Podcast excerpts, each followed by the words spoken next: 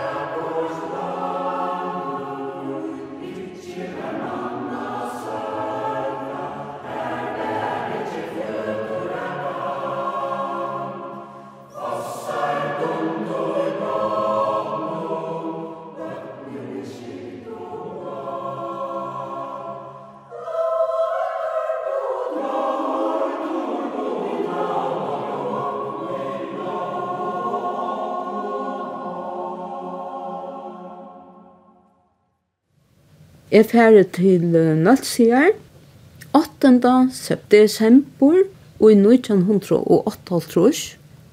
Det var således at Marsta Mostemun hei vært i um, Oslandet og i Vestmannodgen og arbeid og hon hei vært sammen med noen Nalsia damen her mittlen Bjørkild. Og Bjørkild kontakta så Marsta og byr henne å komme og hjelpe Gunnel, systeren henne, tog hon skulle ha en operation og her var nekkbøten i husen. Åtta bøten. Men det barst henne fra, og så ble jeg bare sendt i stein fyrs. Og det var lukka som min lakna. Da jeg først har jeg sett foten av land her. Det var en måned jeg får av skala, og det var ikke godt rotesamband. Jeg halte er rotan sylte trutja for om vikna til massier, og torsdag sylte om tve for om deg. Ta blir folk ofta gift, hvis det er gift hos i havn. Ta blir gattla for rite brittleip. Nå, men papi hei sagt at jeg skulle bare standa i voksbåt. Han tog at Nølsingar plato alltid kom om fjør. Så jeg stod her og bojai og bojai og bojai Og det kæva jo, det smelta inn i støvlan her. Men så ut mot skoiming, nå kommer en båter. Og det er Amfen Poulsen, handelsmævren, og en bror sånn hans her som er Jens. Nå er helt til sin unge mævren sa så fytter ut, så er heier jeg og spyrja om jeg kunne slippe vi. Det var gammel nå. Det var kommet inn et petroleum. Det var høy og alt, og ujan var oppe. Så det var sinter så. Det var søt, men jeg kom til Nalsier i Øtlund gavon, og anker fyllte meg til det huset som jeg skulle jo i. Jeg har langt hvor det var. Og jeg ble vel møtidgen her. Hette er sånn til i desember, bare fra man undan jævlen. Så det første som skulle gjøres, det var at seima med jævla klær til bøttene. Gunnet var en sera gaur håndverskar, tog vel å seima og binda. Det var tvær klattningar som skulle sprettast opp og pressast og seimast om til dronjene. Og det lukkast. Ta kom det vel vi at jeg ikke seimas går ikke reko, reko Rasmussen og Stront. Men det var ordentlig brukbar vitan, ta. Gentnar finko sånne fina kjolar og til at taft, hva det er. Jeg har alltid onker mynd finnes det av dem. Hva er det var disse bøttene som finner alle så kleine? Den eldste er Hilmar Johansen, og Etna, hun er gift Niklasen, vi finner på Niklasen, og Virkar, han er bosetter i Esbjerg, og Elen, og Jonna, og Inkon, og Ottver, og Ragnhild. Det her var vi finnes jo åtta nå. Ja, det lei. Jeg alt det. Det var øyne godt system. De brukte nek utlenta kjolar, så det gjør livet nok så nevnt. Og bonna sokkar. Og man vaska i måneder. Så var det til. Det ble ikke kjellig nek vaska hinna igjen. Jeg kan lukka nevna at Tjagunnult var hjertarum, tog at det var en Eldre dama som bo i Edelsønnen i Havn, hun at Ragnhild, Ragnhild av Myrene, hun langte så ser et eller annet at. Hon fikk innevis tja Gunnhild, og hennes hus var fullt. Ja, så ble Ragnhild installera i tog kameran her som er svel, og så flytti jeg inn i det kameran her som fyra bøten svå i forveien, og det var ikke problem. Det er ikke jeg funnet. Jeg minnes ikke at det var nekker trobløyt av tog. Nølse var Ørvesen i 1988, enn det er det. Ja, det var nekk Ørvesen. Ta var Nølse og et bønta samfell. Og det var også nekk Ørvesen i en skala. Skala var noe som ble sindra en industrisamfell.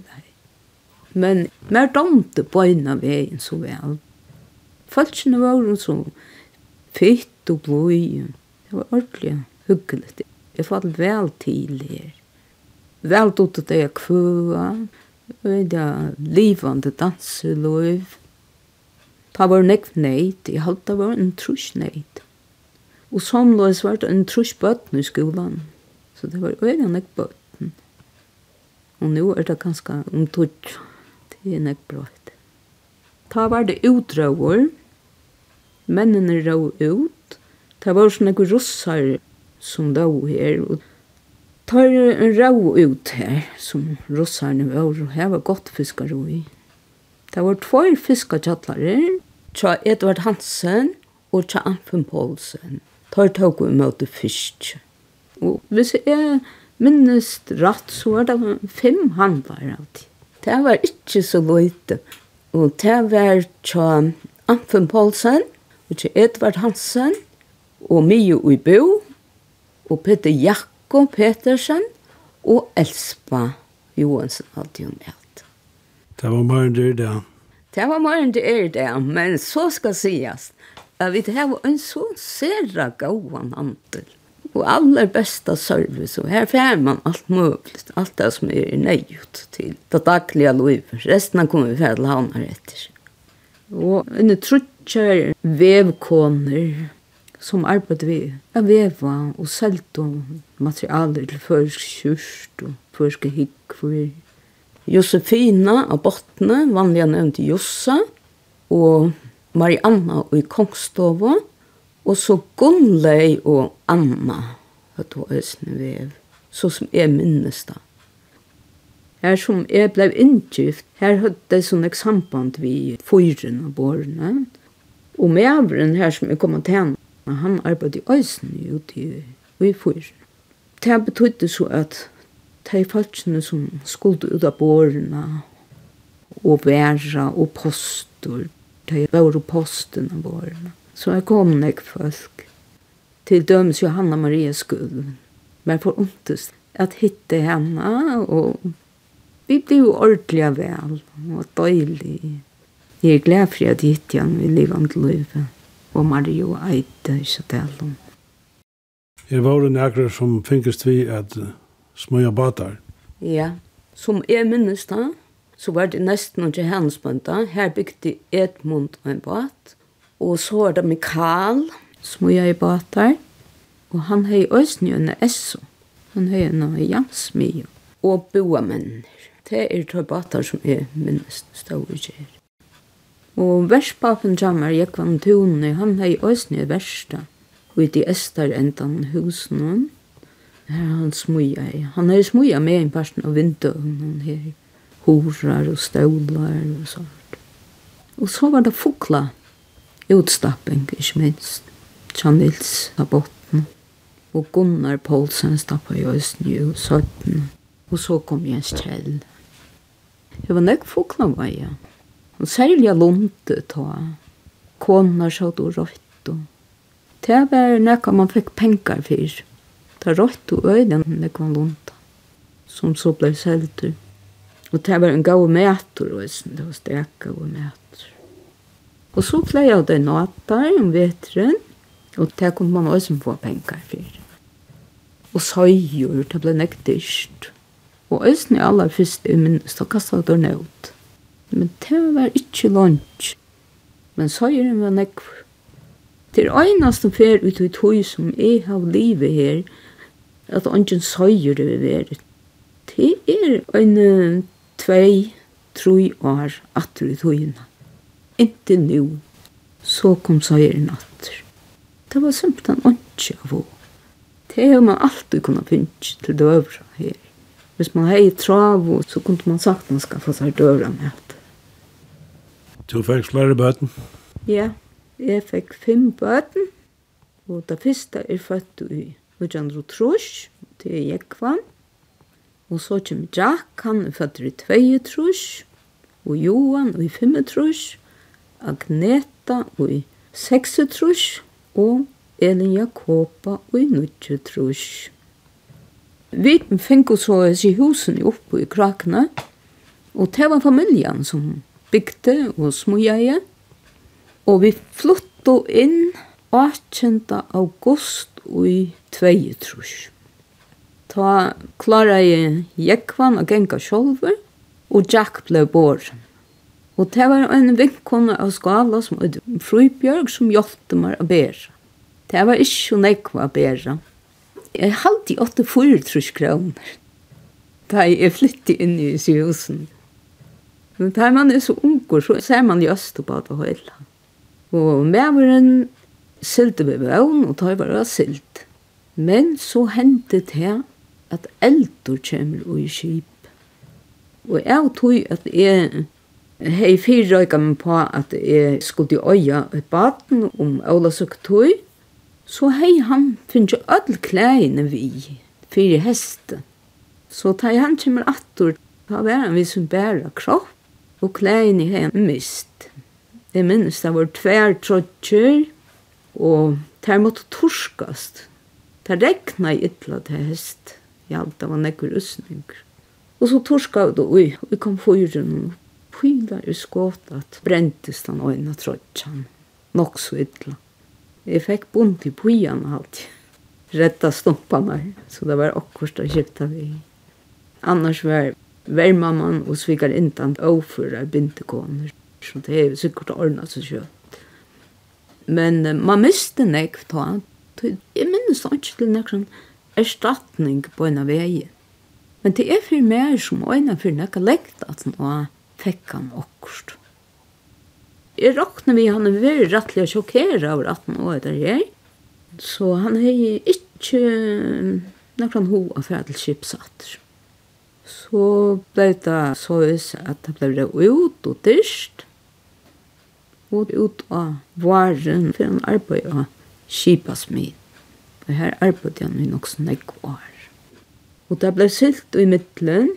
vi er noen bortlom bat. Jeg vet ikke hva det er. seks måneder færre til åksjår.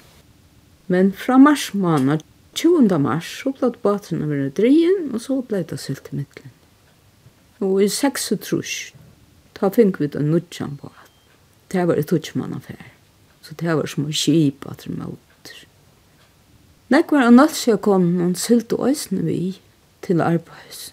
Vi åpna båt inn av bakalau av arbeid. Lenkan det.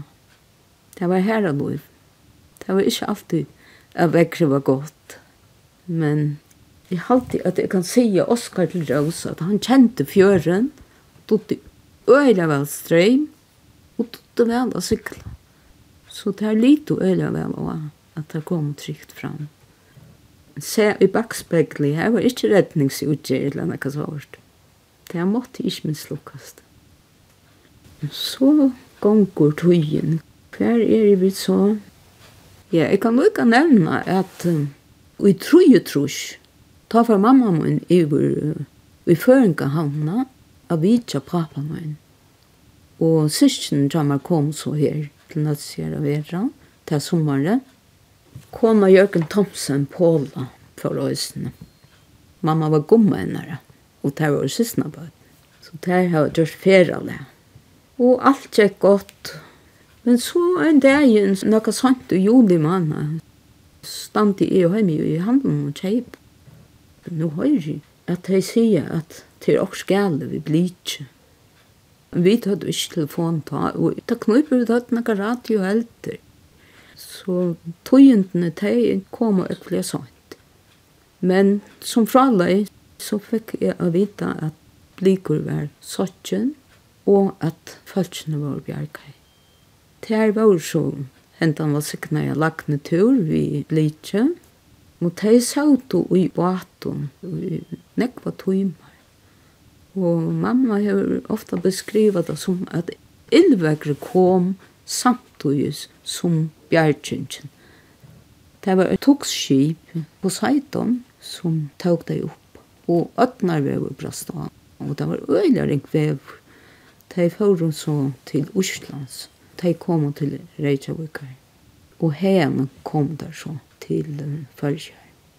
Paula og mamma kom først ut her onkur og sikkert veri i havn etter dem. Men mamma blei ikke bensina av kjekv. Tog vi da vi jo ferast, altså hun var en kalme av kjekv. Det er ikke tids møte fra henne. Vi byggva så her i krakene, og bøttene veksa til.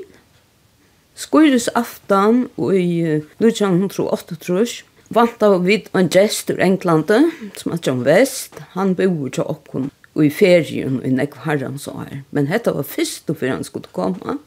Så jeg er just nok snakk på sjur, og skulle bæka vaniljekransar og sett mandler og kom på idren. så skal jeg skulle være bedre for å få det av. Og det som jeg ikke visste, det var det at jentene som spalte her og hjelpte til vi eldre opprøy, og var nok så svans og der. Der hadde finnet seg mandler. Og da jeg skulle torska til øynene og munnen, til vi fikk knapplige telefon på, Telefonen var ikke inne da. Så inhalera hun, og det var rengt. Og det var en katastrofe. Jeg struttes vi at vente henne opp og nye, og bekka rytjen, og alt som jeg kunne finne på. Og til enda så tok jeg det som var i munnen hun ut. Og hun fjorde anta et lite sinter. Silberen sylte til han um, fjør, og han lå hjemme av kajene. Og vi drømte å gjøre verst vi okkur. Vi får rennende vi som badnen, og Johan, den eldste døtteren, rønte jeg tattlaten, men vi ble jo for søgn. Silperen før fra landet, og tar kondisjonen vi kjører okkur. Og så har man mørene rundt. Hetta fikk så katastrofale fylkjør, tog at manle tukkan var sprøyt rundt og i høgra lunka. Så det ble en farstan mittlen sjukhus og rujt sjukhus og så høym. Det var ikke alltid tespelet tog en januar manna så skulle hun nye. og det var nekk bøtten komin ombord og jeg halte det var Gullfoss og bøtten sjående gråt og ytla låt og jeg var en fyra starfolk som skulle ta seg av hos nere fremmede bøttene. Og jeg minnes at ankermann kom og skjønte øytene vi øynene bøttene. Og de var ferdig av sted, og de visste de ikke ordentlig enn hva dette var for et bøttene. Altså, hatt det stendte som et gro minne jo i høyland. Så jeg svarte at han. Og så må ikke øynene for alt var gjørst og i best om øyning. Og penger til å fære til Danmarkar og være her i langre tog. Det hadde hun vidt ikke gosser da. Men da hun så ble opereret i øynhold fjers, kanskje først i mars, eller senest i februar, da fikk jeg en billett nye, og så bo jeg gratis så Anno og Odne Olofsson. Det er vikner som er det her var. Det var kårene da. Hun fikk så fjerna um, nyeste lappa og høyre lunka, Og det gav stor problemer tog at det her var et tomrum, så det ble alle tøyene vatten som samlet seg. Og vi tatt jo ikke størst møte om at hun skulle nå skole og alt. Men det gjør det jo. Og hette helt av fram, og så øyne for Jekkan som ringte influensa. Og ta helt og vidt at det var ikke at tepa. Og så fikk hun influensavaksinen. Og hun kom noe som forboi at hun ikke ble så ofta sjuk ta annars var det alla tøyene av hun kaptentelsen. Og spekler kom hun seg. Og hun ble en røstkona, Hon er bare rundt i og kapp, og hever vandet kjerens lov og fyra bøtt. Nå hever sagt lunker han ikke mer det. Først i halvfjersen så, så skulle følgere ha og hjemme jobb, akkurat som er det er. Og jeg tenkte jeg hadde akkurat nækka for meg. Så jeg meldte dem til, og jeg fikk så avlite og kjansen at byrja høyma hjelpna i nøls. Det var bare spennende og døylig arbeid. Og jeg halte enn tann det er det at høyma hjelpna er virkelig et godt tiltak. Så så slipper man å være langere høyma til seg selv. Så det er man de fleste og ikke. Og jeg arbeidde vi tog i nødt år alt. Men så flytti jeg ur Nalse, først til Havnar, men så fjord jeg til Kjeppmannahavnar. 30 vinter i fjord og i Trojefors, vi seimemaskinen i æra i hånd og inn i hinar. Så alle jeg er starsta av Nudjun i Danmark. Og jeg har skrivet her i dagbøkene. Jeg vaknaði klokkan 5.30 i morgun og gjørte meg klaran, pakkaði det søgnasta, Og klokkan åtta kom og Åloan og Kai Svaver, Agneta døttmun og Jakoba, og de høttu heima bæka jeg bollar vi. Løt og søttene kom Erlendur og Johan, og klokkan mutsjo fyrir vi av Uslandsvenon, Johan og Erlendur kortu mitt til Vestmanna og fyllte meg iver om til bussen. Og i bussen hitti jeg siste døtter Elin svikar intima tjamar i Klaksvig. Presta komna i Vavon. Hon var så blod og fitt, og hon hei sina elskelige døtter vi. Da jeg kom ut ur bussen av flåvøtlen, var fyrsta menneska jeg sa Melan, døtter Anniko Vinkomne. Anniko Gård. Hon hjelpte meg å bære. Så tjekka jeg inn. ta kom Annika. Hon lagt til en levo fyrir til breka og isa repta. Melan Ålasson var øsne vi. Ta i og jeg skulle færa inn og i flåfæra, hitti jeg melena, sysna på mamma, som bor i Nestuet. Hon er ur lampa og vi sótu saman i flåfærinun. Vi var òsne Paul i Klaksvug, det er Paul Havn, som han øyder i det, Sofus Thomsen, og Anna tja Katrine Kristiansen. Og da jeg kom nyer, så var Anna av Archaboa og tåg imot mer. Og vi korto til Vallensbekk, for tulja og sång, deia trøyt. Jeg har finnet arbeid og en psykiatrisk pleie hjemme som er et nybrugård. Det la av Nybrovei 333 i Lundby. Og jeg har finnet løyve av byggva oppi av loftene. Her var ikke lov langer, her var folk brunne omsjånen, gavtøk ikke det. Men jeg fikk et døylet størst verelse enn av ståb, vi utsynne til Balsforsjøen. Og magnolietrøyen blomstra utanfor, så det her var godt. Og jeg begynte så arbeid her. Men da man er avfaglart, så hei man ta bare trutja måneders ansettelse i sen. Så da trutja måneder var ferdig, så miste jeg arbeid til fallfyrelsen her. Jeg fikk da bare noen atter til sånn andre undersøve, men Men jeg får fullstendig i kålkjattler. Og jeg minnes at jeg sette meg av en bank her i Balsversjøen. Til jeg ble det genka nye en døgn skoven i av Balsvervei. Og takk bussen her. igjen. Og jeg tenkte, åh, de har den nek bedre uten det. Det her er ønsk. Men mye jeg sa aller svarstas på tingene, så kommer en fytte dronker forbi her Og han sier, «Tu er stor fargen, jeg suttje det av vettene. Han var ur kvivvig. Han forklarer meg at han er ommo i kvivvig, og bo i her ångstes. Ta tog i bøynen i nakka. Og for spelanden igjen etter gøtene, og han til på bostappesteget, og sove i bussen. Ta hadde vi finnet en uipo i Tostrup. Tostrup Gårdvei, hun tror 55. Åren til manglar å si at konene som er hitte, der var helt utrolig hjelpsammer. Onkur var atte ur bøkhandelen, tog over av gula bøkhandelen, og onkur var fra Siska, og en av dem er Paula. Jeg har glemt navn jo av dem i det. Men nok som til at jeg hei finnes jo uibo, så tror jeg at jeg skulle sitte av gulven og en av madrassen. Men Anna Arjabo kom vi innan verre bil. Og her var sovesoffa og i dobolt, og her var bor og støvlar, og husker og en duk vi blomstron. Prikken ur innom, det var et svarskvitt sjønvar, som hei luk og fyr. Så da jeg hei finnes alt opp her, Vi gauar hjelp som satt i bæg i sofa, sitt i og bord og kjetel og god vidt i alt. Det var alt det nødvendigaste. Det har alle takk oppe i borgen. Og dette gjør det der bare er sånn ånting. Der får i gamsle rommene og funnet fram det som det er helt i bruk for.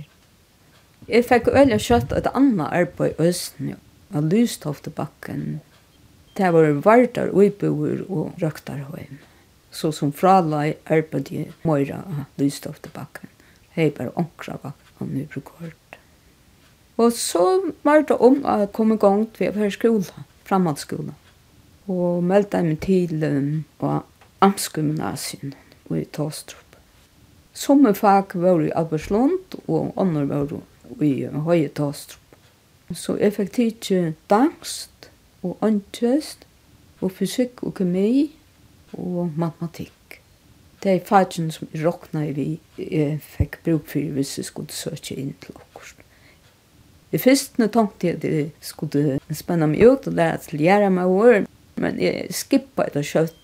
Jeg har jo bøten som var i utbyggving, så det var om å ha et arbeid, et eller annet slippe å lære og få penger samtidig.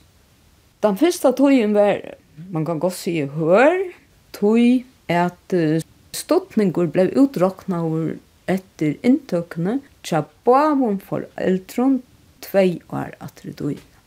Så tek jeg nesten ungan ståtning, etla ungan.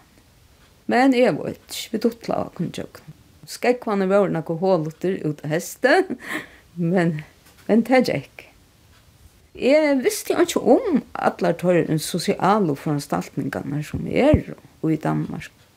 Jeg kjente bare en måte at skaffa mat og båre, og det var vi arbeid og helst arbeid enn ikke.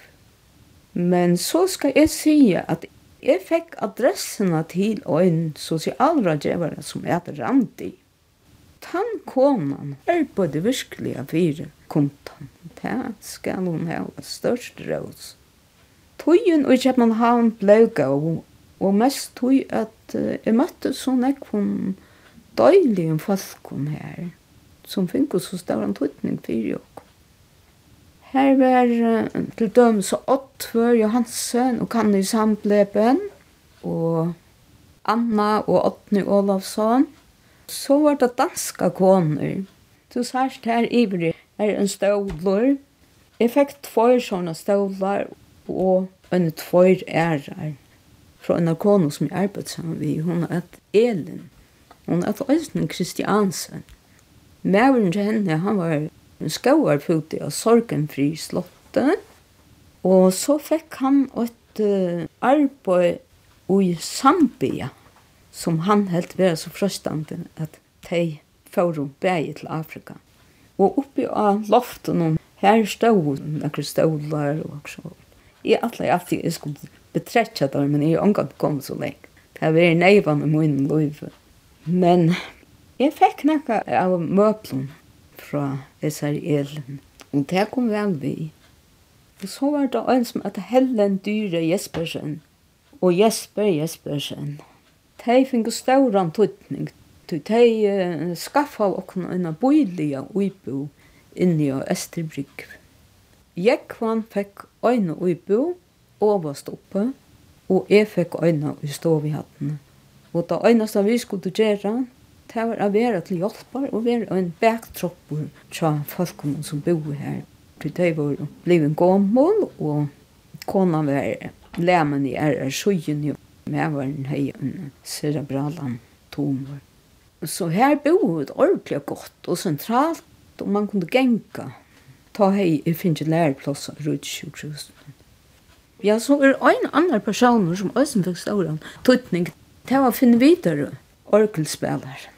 Tøy han var en bøylig gode vi jekvann og det førte til at han fikk mulig å spille.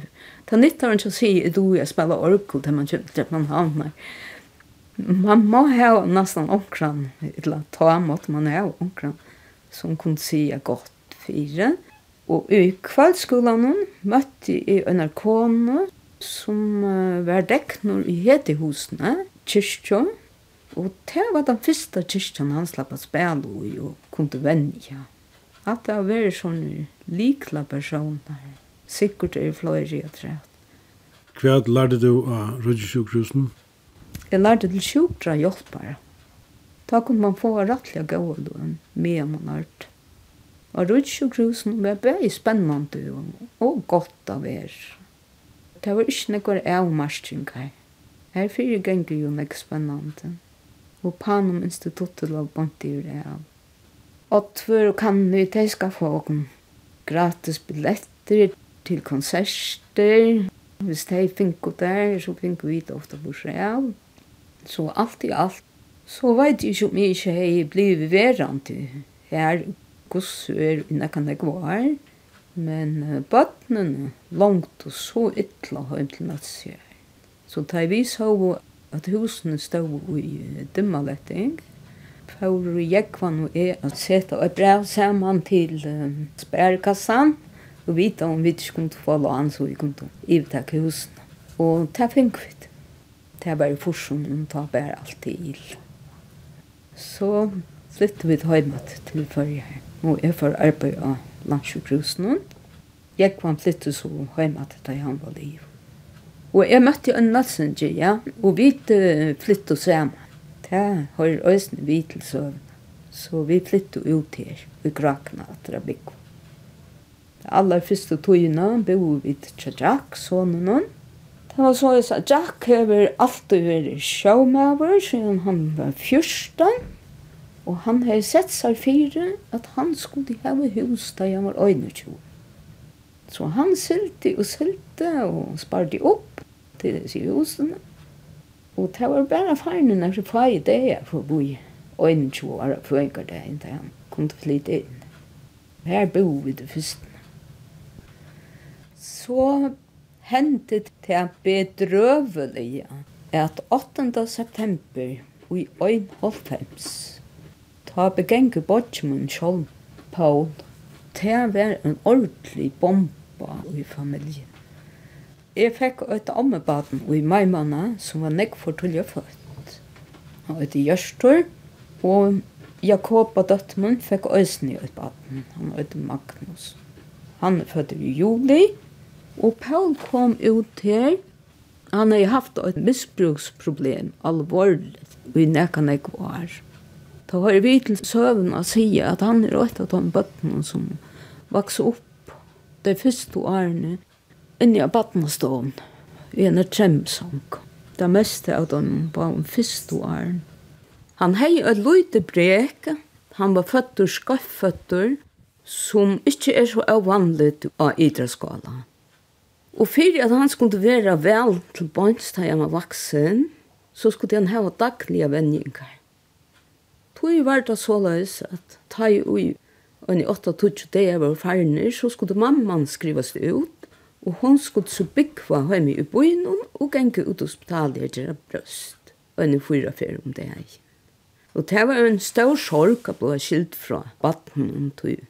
Man hoksa nesten ikke om Anna, da man er i togstøven. Da jeg hette jeg varst i en av tog, så får hun inn at skala. Og han var verandre etter og vi fikk han hånd til jævlar. Han kjente onkan, og græt og ytla let, og vi skilta og sjåan til fyrstny på at alt var fremmed, men det viste seg at han hadde finnet lagt og gips som truste, og det var kom i størst sår, så en annan jævlakvöld som måtte han. Il sur av sjukhuset ble opereret av han, men han behelt foten, og han hever østen bærum og råkapp. Det er ikke darvan, men sykest hevur ta stórar omkostningar. Og i 91 ta hei han rønt og lagt det av. Og kom ut til, men det gikk ikke særlig godt. Han er i østene vært til avvenninger. Og av Black Cross. Og han har brukt alle kvoter. Så jeg sa, vi kontaktet av deg, men det var ikke plass akkurat da. Men åren til hei han vært her ute i Natsø, og han har er bygget bo av jentene som er kattla seg opp. Og der, der tog det slett ikke i olvare, og der gjør det jeg heller ikke. Så drangene blir jo dopter, og annar at Gjørstor, og annar er Magnus.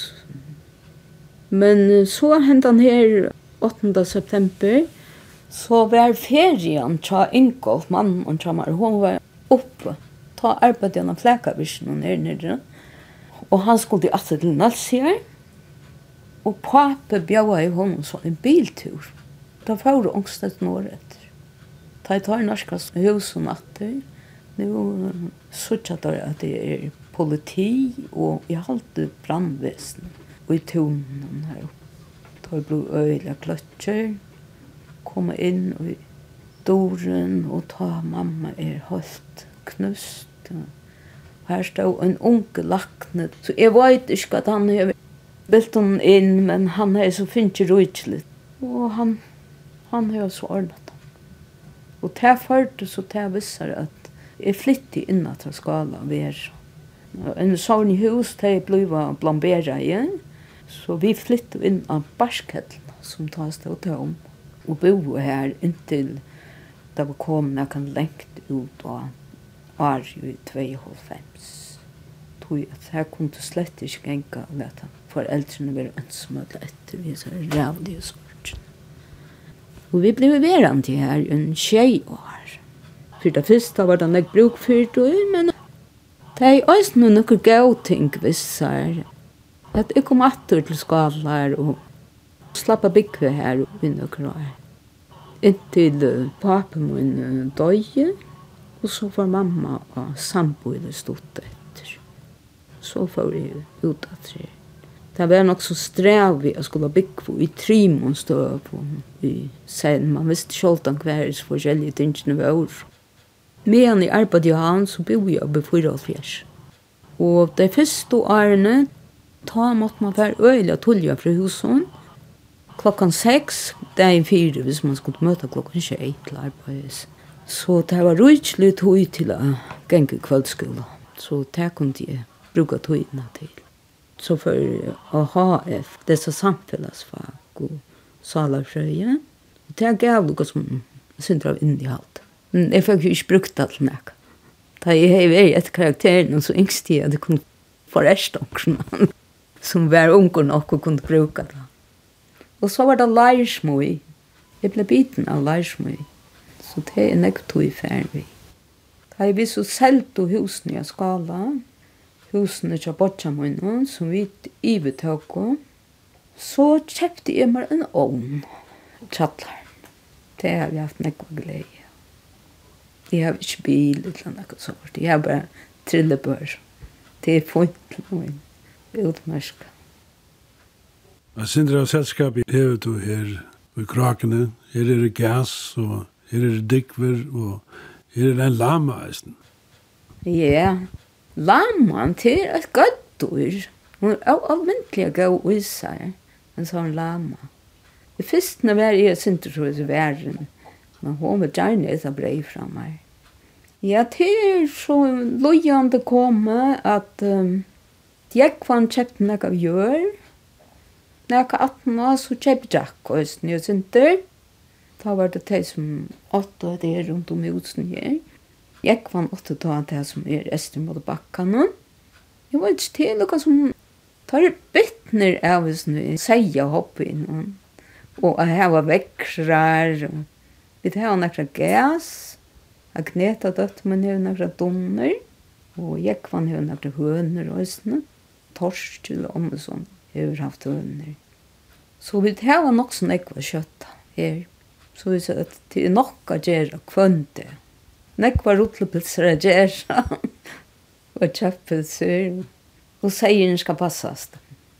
Jeg har alltid løtni er det nødt til seieren, men det har vært en utvid fjørst.